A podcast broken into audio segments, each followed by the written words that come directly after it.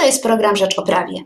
Czy czekają nas kolejne podwyżki cen mieszkań? O to zapytam mojego gościa. Jest nim Konrad Płochocki, dyrektor generalny Polskiego Związku Firm Deweloperskich. Dzień dobry, witam pana serdecznie.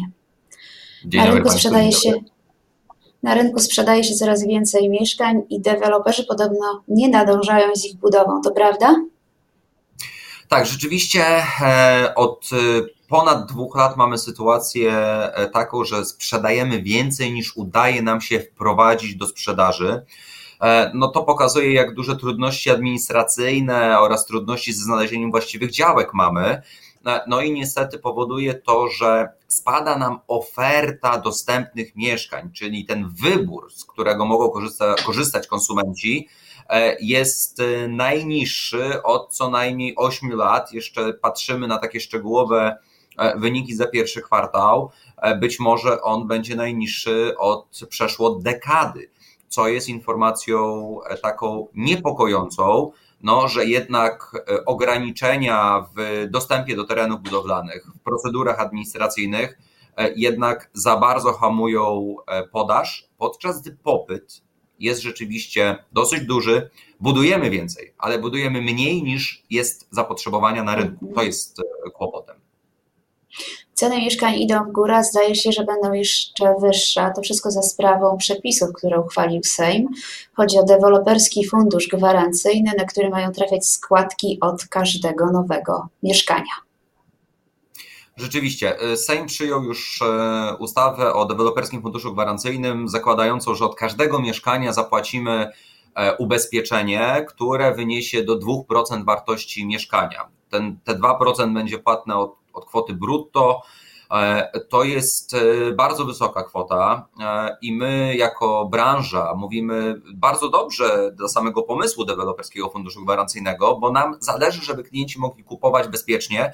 Ewidentnie jako branża korzystamy z tego. Klienci chętniej kupują na etapie jeszcze w trakcie budowy, nie obawiają się. To absolutnie służy, żeby było bezpiecznie. No natomiast bardzo sprzeczamy się, czy też spieramy z Urzędem Ochrony Konkurencji Konsumenta i z rządem co do wysokości potrzebnych składek, bo rzeczywiście te 2% to jest, proszę Państwa, 8 razy więcej niż sam urząd, sam UOKiK wskazał w uzasadnieniu skutków regulacji, w ocenie skutków regulacji, jako kwota potrzebna do zbierania rokrocznego, aby zapewnić absolutnie bezpieczne funkcjonowanie samego funduszu.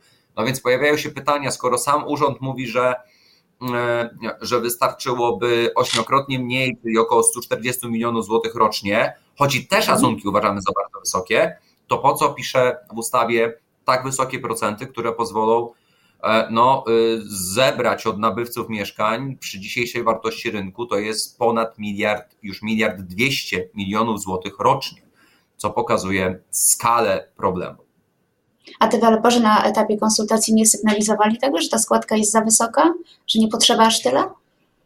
Oczywiście, my y, jako Polski Związek Firm Deweloperskich stoczyliśmy parę batalii e, i celowo użyłem tego słowa z urzędem, z Łokikiem.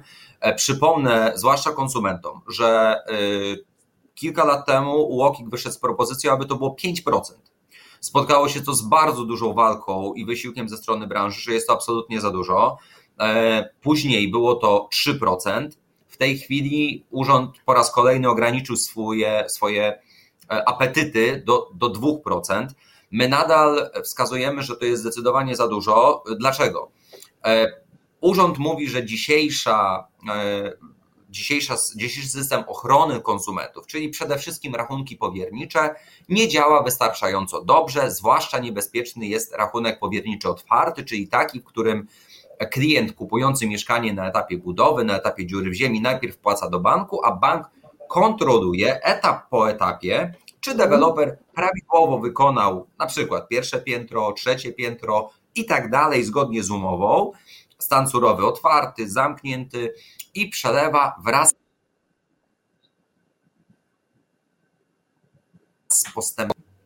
I e, pytamy się urzędu, no to dobrze, to ile razy ten system zawiódł?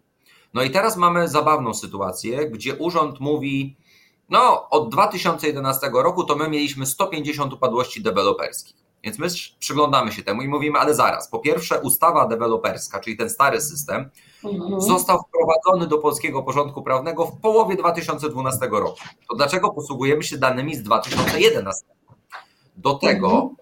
proszę, wskazujemy Łokikowi, że no ale zaraz, rachunki powiernicze, czyli ten system zabezpieczeń wszedł na dobrą sprawę, tak rozkręcił się w 2015 roku, bo te inwestycje, które były rozpoczęte przed dniem wejścia w życie ustawy, czyli dajmy na to w pierwszej połowie 2012 roku, one były jeszcze kontynuowane, kończone w tym starym trybie bez rachunków mhm. powierniczych.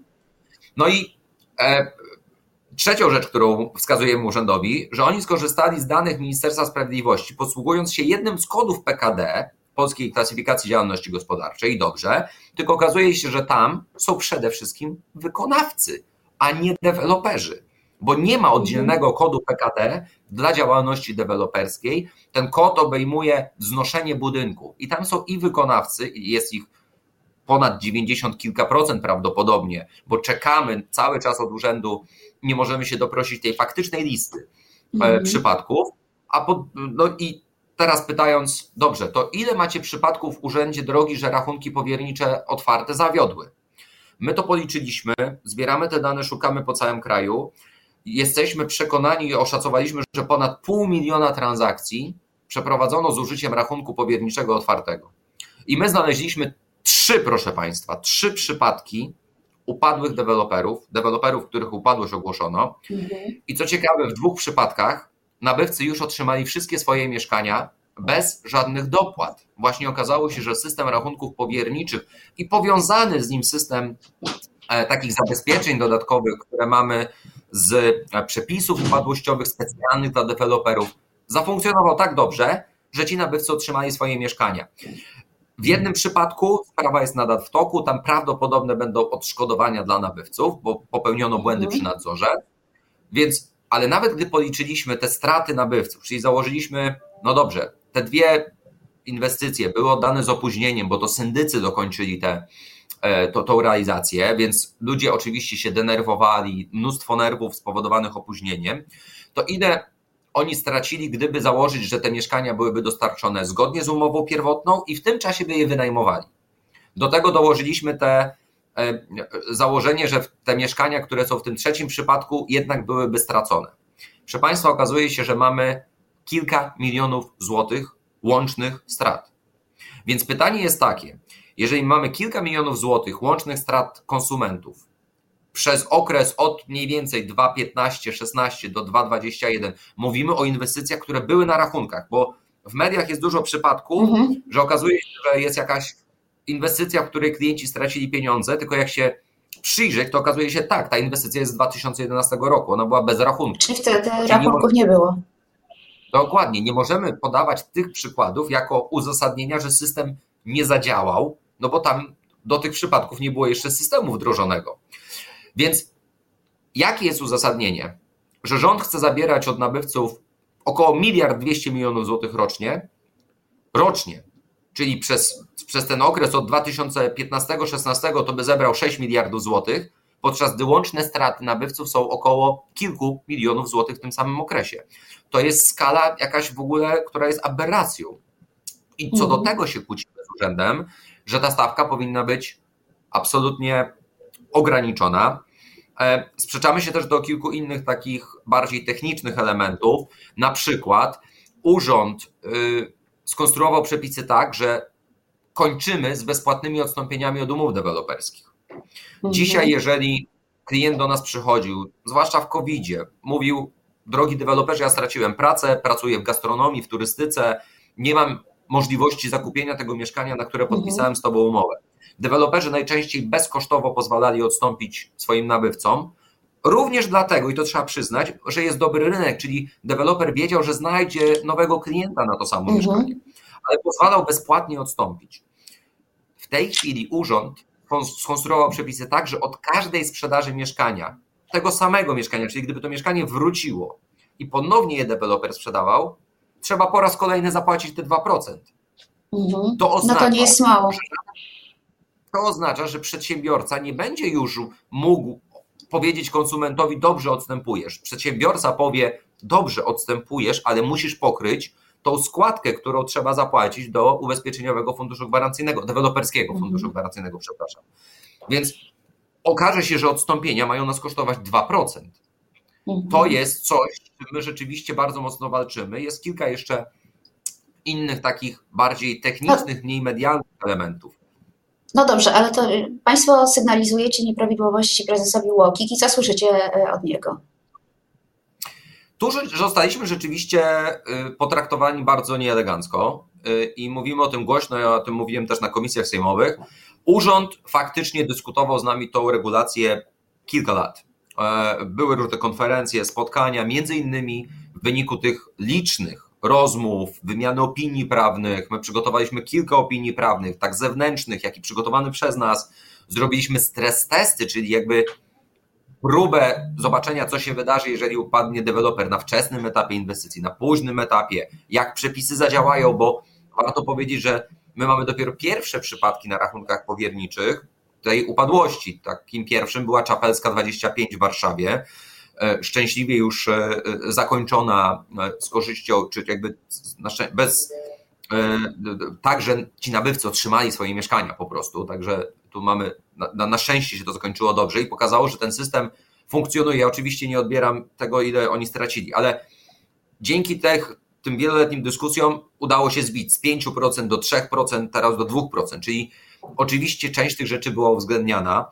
E, natomiast przed ostatnią, że tak powiem, rundą i tym ostatnim projektem, który jest w tej chwili już po Sejmie, a jeszcze jest procedowany w Senacie, Prezes Urzędu Ochrony Konkurencji e, zapewnił nas, że takie kilka kluczowych elementów technicznych, niezwiązanych z samą ideą deweloperskiego funduszu gwarancyjnego, zostanie poprawiona na etapie prac w komisji.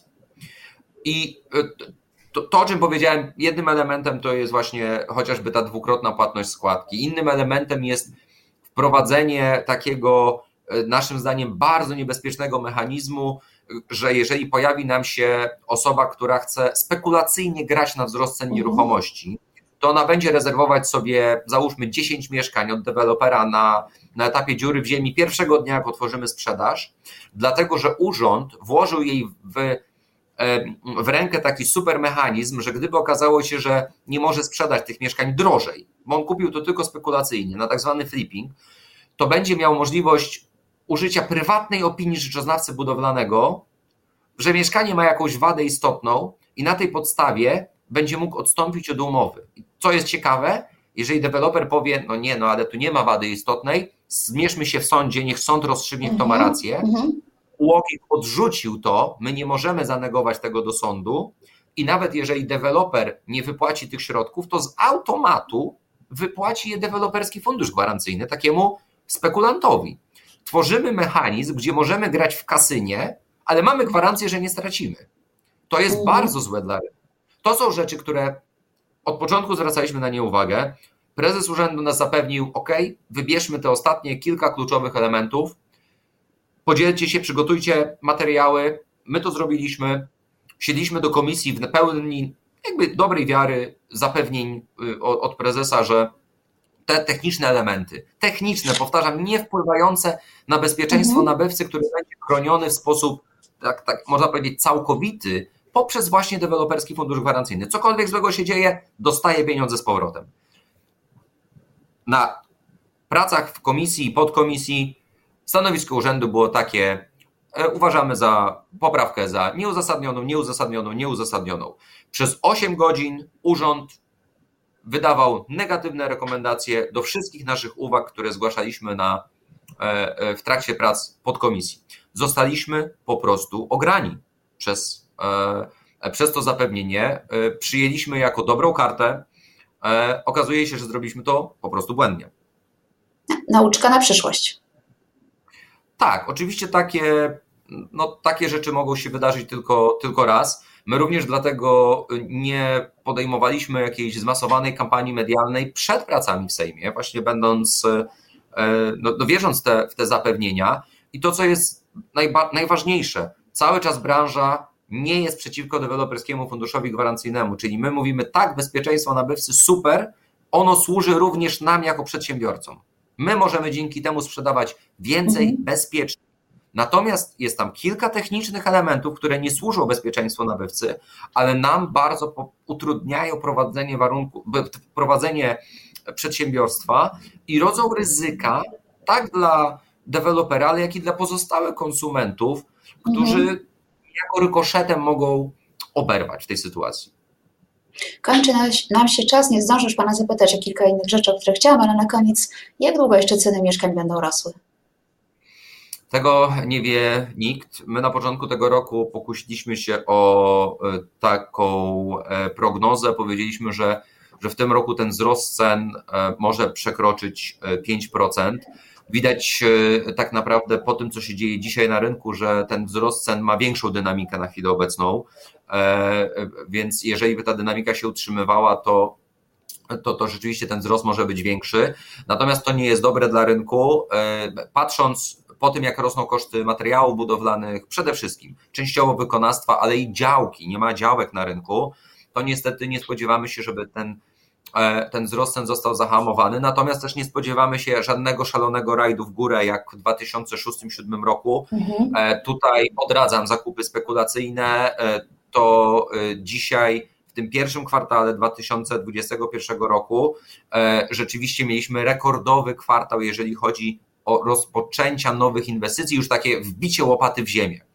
To daje nadzieję, że trochę uzupełnimy podaż i ta oferta mieszkań wzrośnie na rynku i to skutecznie będzie hamować wzrost cen. No i takim ostatnim kluczowym elementem jest, że na rynku deweloperskim mieszkania przez 3 lata e, urosły, przez przepraszam, 5 lat, 5 lat urosły o 27,7%. W tym samym okresie na rynku wtórnym blisko 50%. To pokazuje, proszę Państwa, że nic lepiej nie studzi wzrostu cen niż po prostu nowa podaż, bo jeżeli brakuje produktu, brakuje mieszkań, to nie ma takiego mądrego, żeby zasypał deficyt mieszkaniowy bez wyprodukowania tych brakujących mieszkań. I to jest kluczowa sprawa, żeby zwiększać podaż nowych mieszkań, a dzisiaj mamy z tym ogromne problemy. Trzymam kciuki, żeby tak się stało. Dziękuję serdecznie za rozmowę. Moim gościem był Konrad Płochocki, dyrektor generalny Polskiego Związku Firm Deweloperskich. Dziękuję uprzejmie.